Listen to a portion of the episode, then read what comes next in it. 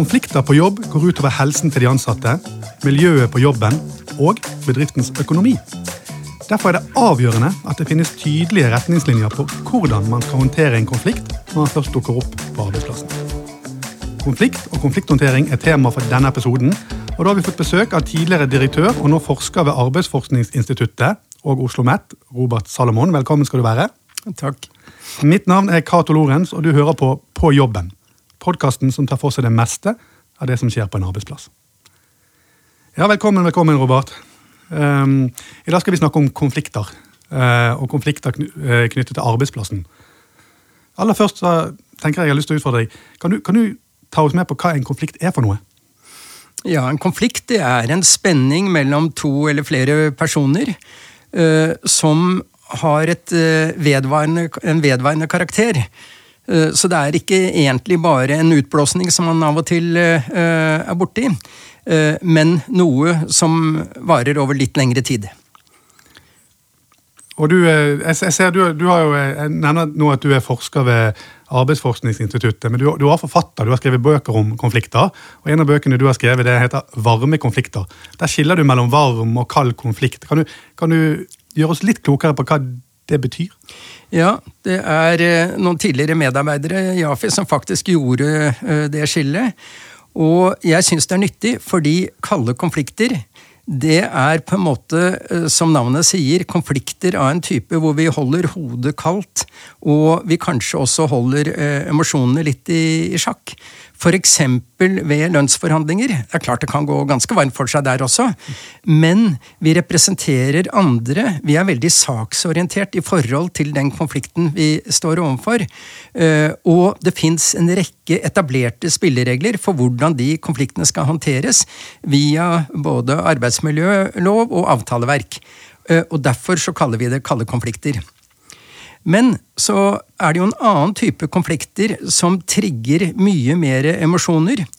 Og det er eh, i et direkte samarbeid eller et forhold mellom to eller flere personer hvor vi føler at eh, vi, begynner å bli ubehag, føle et ubehag, vi begynner å bli sinna, vi eh, begynner å bli lei oss i eh, forholdet til den andre eller eh, de andre. Og vi merker at følelsene egentlig får lov til å spille en hovedrolle i hvordan eh, denne konflikten arter seg for oss. Og det kaller vi varme konflikter. Og da går det jo virkelig varmt for seg. Og så har vi egentlig ikke etablerte spilleregler, eller iallfall mange som ikke har etablerte spilleregler, for hvordan disse emosjonelle konfliktene egentlig skal håndteres. Mm. Og, og, og, nettopp det du sier der med de spillereglene, eller konflikthåndteringsrutiner, eller hva man kaller det, det, det skal vi komme litt tilbake inn til. Men jeg lurer på, øh, kanskje et vanskelig spørsmål, men, men hvorfor oppstår disse konfliktene på arbeidsplassen? Det, som... det, har litt forskjellig bakgrunn, og noen vil si at det har noe med direkte med individene, eh, deres lynne. Eh, det kan ha med konstellasjonen mellom to personer, at de ikke går så veldig godt eh, sammen. Men jeg tror, når vi snakker om disse varme konfliktene, så tror jeg utgangspunktet rett og slett er at det er et eller annet som trigger emosjonene i oss. Og da er det noe med våre følelser som begynner å ta overhånd, og som da øh, styrer, skal vi si, både øh, den ene konfliktsituasjonen vi er i, og det videre forløpet av konfliktene. Ja, og, men, men, si da disse konfliktene de, de oppstår på en arbeidsplass, og øh, en leder står midt i det. Si det er mellom to kollegaer, da, mm. to ansatte. Um, hva gjør man da? Det er så mye som kan gjøres. Men eh, la oss kanskje først si at noe av grunnen til at du får sånne varme konflikter, det har noe med arbeidets organisering å gjøre, og den type arbeidsoppgaver vi har. For hvis du tenker deg at du jobber ved et samlebånd, f.eks., det er nesten ingen som gjør det lenger, da, men eh, la oss nå tenke oss at du gjør det, så har du veldig klart definerte arbeidsoppgaver. Og noen bruker egentlig ikke eh, så veldig mye av skal vi si, sin intellektuelle kapasitet i forhold til eh, det. De legger ikke så veldig mye prestisje i hvordan de utfører arbeidsoppgavene. Noen kan til og med eh, bruke tiden til å tenke på kjæresten sin eller noe sånt og glemme egentlig den oppgaven som skal løses. Mens i stadig større del av arbeidslivet så er vi nødt til å forholde oss enten direkte til kunder eller til nære medarbeidere, f.eks. når vi jobber i team, og det gjør jo stadig flere av oss. Og da oppstår det situasjoner i selve arbeidet som gjør at vi legger veldig mye av vår egen eh, prestisje, eh, vårt eget selvbilde, inn i hvordan vi utfører jobben. Og hvis vi da blir møtt av motbør, og kanskje motbør som vi føler er veldig urettferdig, eh, så oppleves altså det som en eh, sterk nesten provokasjon, kan du si. Og det på en måte må være noe av grunnlaget eh, for å forstå den type konflikter det her er snakk om, og som da må også være noe av grunnlaget for eventuelt en, et bidrag fra en leder eller HR-folk, eller hvem det måtte være. Mm, interessant. Og det er jo uh, lyst til å prate litt også om på en måte hvilken, på hvilken, hvilke konsekvenser en, en type konflikt kan få for et arbeidsmiljø. Eh, kan du si litt om det? For det, kan skade en del, kanskje? det? Jo, det er klart. Og vi åpner jo den siste boken som du nevnte her, med at uh, om, uh, om, natten så ligger tusenvis av mennesker og gråter ikke sant, og tenker på hvordan arbeidsdagen der er. De gruer seg til å gå på jobben. Og, og det er faktisk situasjonen. Altså det er tusenvis av mennesker som, som, er i en sånn situasjon. Og du kan jo tenke deg selv, du kommer på øh, jobben, du har hatt en dårlig natt fordi du tenker på noe noe som er vanskelig i selve jobben, og så skal du begynne å, å utføre eh, det arbeidet med det utgangspunktet. Eh, det er klart det går i første omgang utover din egen arbeidsevne og din egen konsentrasjon. Men så skal du jo snakke litt med dine kolleger om det. Du skal bruke tid til å prøve å bearbeide det på en eller annen måte. Og da begynner du også å involvere andre, og så har du det gående. Så det er klart at konflikter på en arbeidsplass, i utgangspunktet så berører det kanskje én eller to Ja, det er jo ikke bare én, da. Skjønt det kan være det òg, fordi ja. at um, noen er i La oss si at du er i konflikt med lederen din. Eh, så er ikke lederen klar over at dere er i en konflikt. Du er bare veldig misfornøyd, og så greier du ikke å uttrykke noe av det. Og Da kan vi kalle det en latent konflikt. Det ligger der og ulmer, og så er det ikke kommet til, eh, til overflaten. Og Da kan du si det er en slags ensom aktivitet, men stort sett så er det jo en aktivitet hvor flere personer eh, blir eh, involvert. Og da går det selvfølgelig utover arbeidsmiljøet. Ja, På hvilken måte? Fordi jeg ser for meg det at I utgangspunktet kan det hende at mange tenker at en konflikt det er mellom en eller to parter, som du sier. Kanskje mm. en leder er involvert, og så skal de løse det. Men, men, men, sånne ting har vel ofte en tendens også til å ta litt tid. Og på den måten så, så får andre nyss om det de begynner å prate om det på arbeidsplassen. Mm. Er det på den måten det, det kan skape ja, skiller i arbeidsmiljøet? Og... Ja, det gjør det. Og mm. øh, det er jo relativt vanlig at det skapes øh, sånne skiller, at flere blir in involvert. Det skapes ofte koalisjoner. Eh, og eh, det som er interessant, det er at i første omgang så er det de som er konfliktpartnere, kan du si, som blir involvert. Men etter hvert så blir jo andre involvert òg. Og la oss si at du kommer inn som nyansatt, eller relativt nyansatt, på en arbeidsplass, og så er det en pågående konflikt. Hvor skal du sette deg i lunsjbordet da? Mm. ikke sant? Du har allerede uh, konstellasjoner. Setter du deg uh, blant den ene parten, ok, så er du med dem. ønsker du å være nøytral, så vet du søren ikke hvor du skal sitte. og én ting er hvordan du sitter i kantinen, en annen ting er hvordan skal du uttrykke deg i forhold til å være nøytral i forhold til en sånn konflikt som pågår. det blir ganske vanskelig, for det er nærmest krevet av deg at du tar side. Og er du ikke med meg, så er du mot meg. Altså, alle disse mekanismene er jo ute og går i et, uh, i et, arbeidsmiljø, og det er klart det er veldig ødeleggende for et godt arbeidsmiljø. Ja, absolutt. Og det er ødeleggende for et godt arbeidsmiljø, sier du, og det, det kan føre til, til, økt sykefravær, det vet vi også. Mm. Uh, uh, så, og det er rett og slett jeg tør ikke å tenke på produktiviteten de, og effektiviteten til de som er involvert. Den er vel ikke helt den samme hvis man ja, gråter seg eh, i søvn på natten. Så, så, det er ganske dårlig butikk å ha noen konflikter eller ulmende konflikter eller hva det er på en arbeidsplass. Og da må man gjøre noe med det. Ja. Eh, Er det en enkel greie? Det er overhodet ikke enkelt. Eh, du har forskjellige metoder, selvfølgelig. Du kan I første omgang så er det jo rimelig at en som er i en konflikt, føler å ha en å fortro seg til. Eh, og det kan være en god kollega. Det kan ofte være HR-personell, det kan være bedriftshelsetjenesten hvis de har det. Og selvfølgelig kan det være leder. Men det er ikke sikkert at eh, det alltid er leder. For det første så er jo lederen ofte en konfliktpart. Altså det er en konflikt mellom en ansatt eh, og en leder. Men det andre er jo at med en gang en leder går inn og skal prøve å håndtere en konflikt, så blir ofte uh, vedkommende tilskrevet uh, et parti, eller å tilhøre et parti, og, da å beholde nøytraliteten på en skal vi si, rolig, fornuftig måte, det kan være en utfordring. Ja, det, det kan jeg tenke meg. og et, et av tingene jeg har lyst til å høre med deg, da, er det egentlig litt å ta det i gåsetegn, da, at litt farlig at ledere løser konflikter alene, at de stoler på sine egne egenskaper for å på en måte la oss prate oss ut av dette. her. Si det er to, to ansatte som, som, har en konflikt, og så skal leder komme inn og, og megle. Men, men, jeg tenker, en av de tingene som jeg ser på som eh, nesten litt avgjørende, er jo at det er organisasjonen som er god på å takle mm. konflikter, og ikke nødvendigvis bare enkeltpersoner hvis du ser den? Ja da. Eh, nå kommer jo jeg fra et miljø som eh, er veldig opptatt av eh, dialog, for, både for utvikling og for løsning av konflikter. Mm. Så det er klart at vi har jo det nærmest som en kjepphest. Og jeg er pinlig klar over at det fins mange forskjellige måter å, å, håndtere det på. Men det å ha en god samtale hvor én person, enten det er leder eller en annen person i organisasjonen, opp, øh, oppfattes som nøytral. Det tror jeg er det viktigste.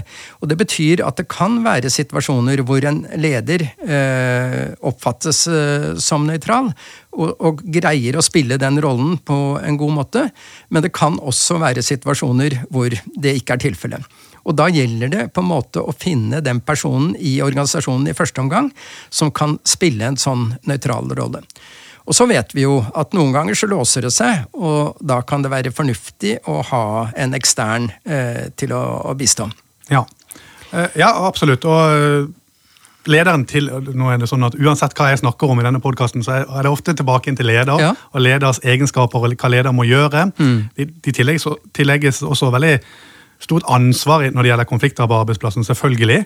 Men en av de tingene de kanskje gjør feil, og det nå skal jeg komme med en påstand, men de tar altfor seint grep.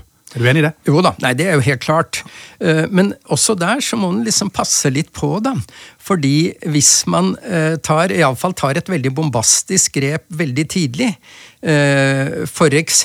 også og trekker inn juss i dette her på et veldig tidlig stadium, så kan man komme litt ut og kjøre. Men det er helt klart at det ligger nesten i veldig manges natur at man vegrer seg jo for å gå inn og ta grep i, i en konflikt, og man vegrer seg for lenge. Hvor, veldig ofte. Hvorfor det? Hvorfor er man så redd for å ta tak i det? Nei, det... er ubehagelig. Ja. Uh, altså, det er ube, ubehagelig personlig, særlig hvis du kommer i en situasjon hvor du på en måte blir tilskrevet å være en av partene i eh, konflikten. Uh, og det vi jo må være klar over, det er at i sånne uh, konfliktforløp så er både de som er konfliktpartner, men også heiagjengene, de er veldig flinke til å tilskrive, eh, tilskrive andre egenskaper eller holdninger som de nødvendigvis ikke har. Og det blir jo på en måte det første som må gjøres. Det er å sjekke ut La oss si en kommer med en eller annen påstand, en har sagt et eller annet. Uh, og så mener mottakeren av denne påstanden at uh, dette er jo uh, en, en, alvorlig anklage mot meg.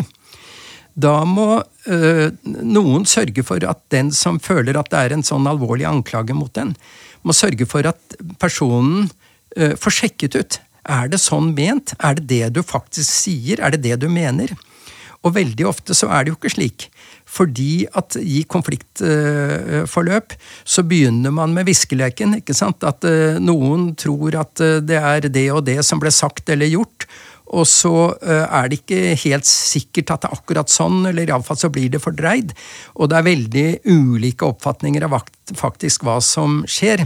Det har vi jo akkurat sett nå i Giske-saken, som har vært veldig fremme. ikke sant? At folk har veldig ulike oppfatninger av hva som skjer. Mm. Og det å få sjekket ut eh, hva den andre faktisk mener, og faktisk står for, det er kanskje noe av det første man må prøve å gjøre. Eh, og det kan være en lederoppgave. Ja, og da, og da må man snakke sammen? Da må, da må man ja, sette seg ned og ha en dialog? Ja, ja, må ha en dialog. Men krever det noe ekstra av en leder å kunne være god nok til å gå inn i den type situasjoner. Det, det er jo forskjellige dialogferdigheter på lederne rundt om i, i bedriftene i vårt land. Eh, jeg tror det viktigste er å være skal vi si, ydmyk i forhold til begge eh, partene i første fase.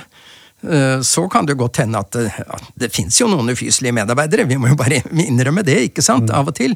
Eh, og eh, det kan komme helt urimelige påstander fra en av partene, og det må sorteres ut. Men i mm. første fase så mener jeg at man må være veldig ydmyk, veldig åpen for at begge partene kan ha rett liksom fra sitt perspektiv. Mm. Det, det må være startpunktet. Ja, og, og, så skal man på en måte prøve å løse dette, da, men, men akkurat det å å løse for fort. og jeg tenker meg Veldig mange har lyst til å bare få dette her overstått. Mm. Eh, og dette skaper unødvendig eh, bråk i organisasjonen, dette må vi løse fort. Eh, har man en tendens til å ty litt for tidlig til en eller annen sort for løsning? En eller annen løsning? Nei, jeg vil nok si at eh, stort sett så er det omvendt. Eh, sånn som du var inne på i sted. Altså At man vegrer seg for lenge og venter for lenge med å, å, å gå inn. Nettopp fordi at det kan være ubehagelig. Eh, det kan selvfølgelig tenkes at man er litt for kjapp ute òg, men hvis man er tidlig ute og gjør sånn som jeg prøver å, å, å, antyde, altså få en forståelse fra begge parter, hva er det den andre egentlig mener og, og, og står for, uh, så er det en sånn uh, tidlig intervensjon som høres riktig ut. Men hvis man konkluderer, som leder f.eks. veldig tidlig uten på en måte å ha sjekket ut, så kan man si da har han vært litt for kjapp. Ja. Uh, kommer hele tiden til hvordan okay, konflikten kommer, vi må håndtere den. Eh, det må ikke komme overraskende på. Vi må vite litt hva vi skal gjøre, alle parter. Mm. Eh, hvordan vil du oppfordre, hvis det sitter der folk der ute på arbeidsplasser som lytter på, hvordan skaper man gode konflikthåndteringsrutiner? Eh, er det noe man gjør? Skal leder bare sette seg ned, skrive de ut, sende de ut på mail? Sånn er det vi gjør det. Eller er det noe som krever litt mer arbeid for å få på plass? Ja, Det er jo mer arbeid. Og det som veldig mange gjør som første steg, det er jo at man gjør en arbeidsmiljøundersøkelse. Og øh, det kan for så vidt være ålreit, men det kan også være problematisk. Eh, fordi når man gjør en arbeidsmiljøundersøkelse, og av og til så, så gjør man jo også en eh, liksom Sjekker ut sannheten, på en måte skal gjøre en slags Nesten en sånn sannhetskommisjon. Så er man ute etter å finne sannheten, på en måte. Og hva er da den sannheten? Jo øh, 10% føler at eh, de har vært i en konflikt i løpet av det siste eh, år eller halvåret. 20% sier vet om, eller 30% vet om andre som har vært i konflikt på arbeidsplassen samme, samme året. Eh, det er anonym, den undersøkelsen. Hvem er det man snakker om? Eh, alle, eller kanskje mange iallfall, vet hvem man snakker om, og så er det ingen som egentlig vil eh, snakke om hvem man snakker om, fordi at dette skal være anonymt. Altså, det er noe litt sånn krøllete greier ved å gjøre en arbeidsmiljøundersøkelse, og det er på en måte den litt lettvinte fremgangsmåten. Det er veldig egnet for de som bare tror på tall. Uh, mens uh, jeg pleier å si at det det dreier seg om her, det er ikke tall, men det er relasjoner. Det er et forhold mellom mennesker. Uh, og da må man gå inn i det, og det greier man ikke godt nok bare ved hjelp av en arbeidsmiljøundersøkelse. Og derfor så mener jeg at det er nødvendig med et eller annet som er tiltak som er dialogbasert i en annen forstand. Og hva kan det være? Kan du, hva, kan, har du noen eksempler på det? Det... ja, altså hvis det bare er mellom to, og det kan holdes mellom to, så går, går det jo veldig mye på uh, deres væremåte. Uh, og én ting som av og til blir resultat av noen prosesser, det er med mer enn en to, da, det er rett og slett at man finner ut at uh, her er det jo ikke ordentlig, ordentlige spilleregler i forhold til hvordan man skal forholde seg til hverandre. Kanskje vi skal lage en hustavle? Altså uh, code of conduct, som man sier så pent på engelsk. ikke sant? Hvordan skal vi oppføre oss i denne uh, bedriften? Uh, og på en mest mulig fornuftig måte. Og da blir det ikke på en måte lederen eller sammen med HR-folken som spikrer den hustavlen og så klistrer den opp på vegg eller gjør det elektronisk. Men selve arbeidet med å utarbeide en sånn hustavle, altså hvordan vil vi ha det hos oss i forhold til den vanlige omgangsformen? Eh, er det f.eks. greit at man ikke hilser på hverandre? Og det er jo ikke det. Ikke er det greit at man ikke vil samarbeide med noen i en organisasjon som er veldig opptatt av det vi kaller lærende organisasjon, eller at man skal lære i fellesskap, er det greit? Altså Man må stille noen sånne spørsmål, og så eh, jobbe seg frem til hva er minstekravene. Og da spør vi om hva som er godt nok, ikke hva som er det ideelle arbeidsmiljøet eller den ideelle arbeidsmåten, men hva er godt nok til at dette kan fungere rimelig greit i en konfliktsituasjon, og som kanskje varer over lengre tid. Ja. Forstår jeg det rett, da, at uh, egentlig så tenker man at de spilleregler, eller de, sånn vi gjør det hos oss, mm. uh, bør være et resultat av uh, involvering og medvirkning der folk får lov i en eller annen prosess ja. å, å, lage disse spillereglene. Ja. Jeg, jeg, tror det er veldig viktig. Mm. Uh, fordi det vi ser, og det gjelder jo ikke bare konflikter, men det gjelder jo i hele arbeidslivet, at det kommer uh, Man ønsker å etablere en ny bedriftskultur, ikke sant? Uh, basert på noen ledelsesprinsipper. Og det driver jo alle med overalt for tiden. Uh, og så vet jo vi som driver med organisasjonsstudier og sånn, at det er jo til enhver tid en rekke subkulturer i virksomheten som har andre holdninger, andre ideer om hvordan denne virksomheten skal drive på en best mulig måte. Uh, og i og med at sånn er det, så må man prøve å komme frem til en eller annen slags fellesforståelse så langt som mulig. Mm. Og jeg sier som langt som mulig, for man blir jo ikke helt enig. Det blir man ikke. Ja. Du, bare dvel litt rundt dette med du er veldig tilhenger av dialog knyttet til, til å mm. løse mm. konflikter, eller til å få ja. de opp på overflaten i hvert fall, eh, og begynne å jobbe med de. Eh, og så snakker vi om at en del ledere kanskje vegrer seg litt. Eh, kan det hende at en del av de vegrer seg fordi at de, de er liksom redd for konsekvensene de kan få hvis de involverer seg i konflikten? For det er jo en del sånn, ja, som du sa tidligere også, en del juss knyttet til dette. Ja, ja. Kan det være en årsak til at folk er litt forsiktige? Ja, altså Ikke nødvendigvis jussen, det tror jeg ikke. Den kommer i neste omgang. Men uh, de er uh, forsiktige fordi at det, er ubehagelig, rett og slett. Og det er ikke alle som trives med den rollen. og så må vi jo ikke glemme at ofte så er lederen en del av problemet. Ikke sant? Det er jo det. Ja. Du, også lyst til å høre med deg med det som går på åpenhet ved konflikt. for det at Vi snakker om at det påvirker mer enn bare de involverte. Mm. Si det er en leder som prøver å løse en konflikt mellom to ansatte. Det kan få konsekvenser for arbeidsmiljøet, det kan bli hvisking og tisking, det kan bli samtale med, med vanndispenseren eller ved kaffekroken. Ja. Uh, og etter hvert, hvis det drøyer, så kanskje det blir enda mer samtaleevne. Folk, mm. Det blir koalisjoner, som du sier. Sider. Folk tar side.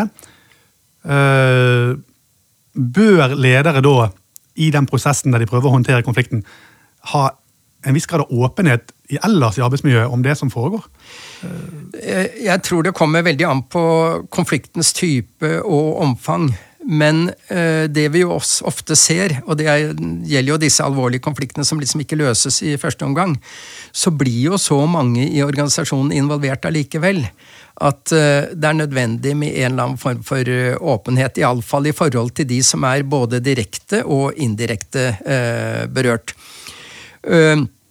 Og, eh, men samtidig så vet vi jo, skal du ha en åpen prosess, altså det krever veldig mye tid, det krever eh, penger på en måte og sånn, så man må jo eh, på en måte finne ut hvor, hvor går grensen her, og hva, eh, hva oppnår man ved en åpenhet. Men én ting man kan oppnå, det er jo nettopp å prøve å fokusere mer på arbeidsmiljø og arbeidsorganiseringen. Vi snakker jo av og til om å prøve å sette parentes rundt det emosjonelle, og så begynne å øh, gå på sak. Øh, ikke sant? Fordi de aller fleste konfliktene de starter jo som en sakskonflikt, egentlig. Og så kommer det emosjonelle i annen omgang. Og så er jeg pinlig klar over at eh, det å sette en parentes rundt emosjonelle forhold når det er sånne varme konflikter, det er, det er ikke lett. Ja, for det kan gå i kule vann. Eh, ja, ja, det gjør jo det. Men likevel så er det iallfall elementer eh, av saksinnhold. Og det kan gå på sånne ting som hvordan arbeidet er eh, organisert.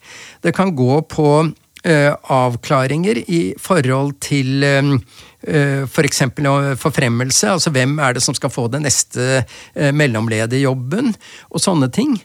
Og da kan det av og til til og med vise seg at den som føler seg forbigått, egentlig ikke var interessert i den mellomlederjobben. Men vedkommende ble heller ikke spurt, eller ble heller ikke øh, øh, konfrontert med hvilke andre muligheter ligger det der. Og så ulmer det, og så blir det en konflikt. ikke sant?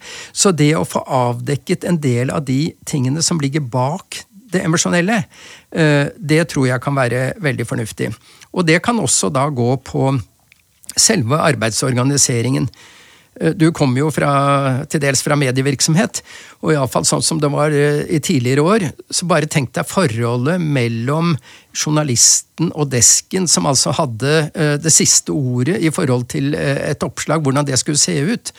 Og så driver du og jobber en hel dag og regner med at dette blir førstesidestoff, og så får du en enspalte på side 16 i den samme avisen. Og det er klart, du blir ikke veldig godt humør i forhold til eh, vedkommende som da har ansvaret for at det blir sånn.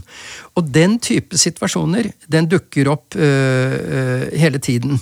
Og da er det noe å diskutere i forhold til hvordan organiserer vi dette her på en sånn måte at øh, at begge får litt mer å si i forhold til hvordan arbeidet utføres kan du si, og utformes. Mm.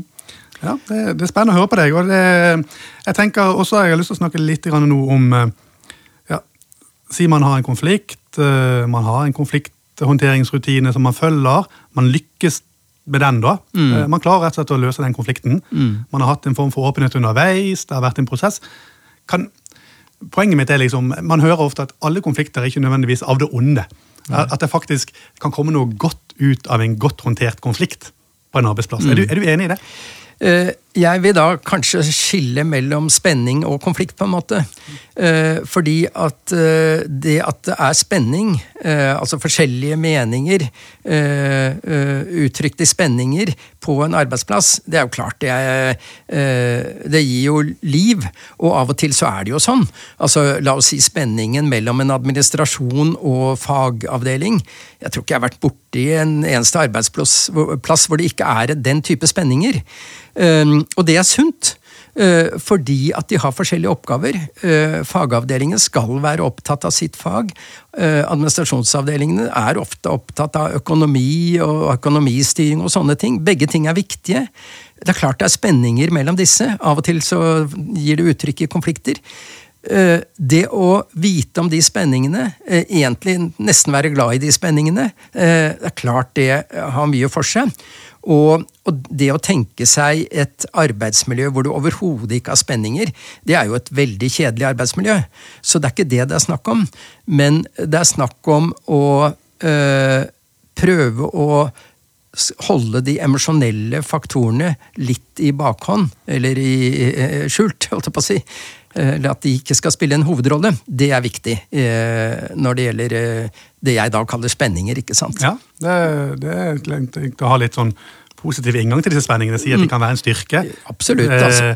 Men, men en annen ting er jo liksom Si det ikke handler om sak, men at det rett og slett to mennesker som ikke liker hverandre på jobb. Det, ja. det er også egentlig ganske greit, ikke det? Kunne ha en forståelse for at man må ikke nødvendigvis like kollegaen sin for å kunne jobbe med de? Eller? Nei da, og i større arbeidsplasser og med større konflikter, så er jo ofte en av løsningene rett og slett uh, omplassering. Uh, men der er det igjen veldig viktig hvordan gjør man det? Er det et pålegg? Nå kommer sjefen og sier at denne konflikten vil ikke jeg ha noe av. Du, nå begynner du å jobbe i den andre avdelingen, ikke sant? Eller noe sånt. Eller at man igjen prøver via en, dialog å finne ut er det ikke best, egentlig, at dere skiller lag, ikke har så mye med hverandre å gjøre. Dere må hilse på hverandre i kantina fortsatt, det er krav. Men ellers i selve arbeidsfellesskapet så uh, kan vi kanskje organisere det på en annen måte, så dere ikke har så mye med hverandre å gjøre. Og det uh, eh, syns jeg må være en helt uh, grei løsning. Så fremt man har prøvd å komme frem til det i minnelighet, på en måte. Ja. Du, vi, vi, går litt mot slutten her nå, mm. uh, men jeg har lyst til å høre helt til slutt her, liksom, om du kan komme med et råd uh, eller en siste anbefaling til ledere, de som lytter på der ute, ledere eller ansatte, som, som ønsker for å skape gode rutiner for konflikthåndtering på sin arbeidsplass. Hvor, hvor, ville du begynt, hvis du på en måte begynner litt fra scratch? Fra... Nei, hvis, hvis, jeg begynner helt fra scratch, mm. så vil jeg tenke arbeidsmiljø. Uh, og da vil jeg tenke arbeidsmiljø egentlig i betydningen arbeidsorganisering. Altså hvordan organiserer vi arbeidet på en eh, best mulig eh, måte for de aller fleste. Eh, og via det kanskje eh, også identifisere mulige spenninger og konfliktpunkter som kan utvikle seg til noe. Det ville jeg Jeg ville startet der. Og så ikke ta utgangspunkt i noen konflikter i det hele tatt, eh, men tenke et eh, så godt arbeidsmiljø eh, og en så god arbeidsorganisering som mulig. Og det kan også gjøres ved hjelp av involvering av de ansatte, fordi da blir de ansatte medeiere, kan du si, i den organisasjonsformen og den arbeidsformen man har kommet frem til. Og da vil det kanskje øke sannsynligheten for at man får et litt mindre konfliktfylt uh, arbeidsmiljø. Selv om det ikke er noen garanti for det. Involver de ansatte, sier forsker Robert Salomon. Eh, Salomon. Tusen takk for at du var med oss i dag i denne podkasten. Mitt navn er Cato som er med som produsent har jeg hatt eh, Eirik Stordrange. På jobben er tilbake om noen uker. Vi høres.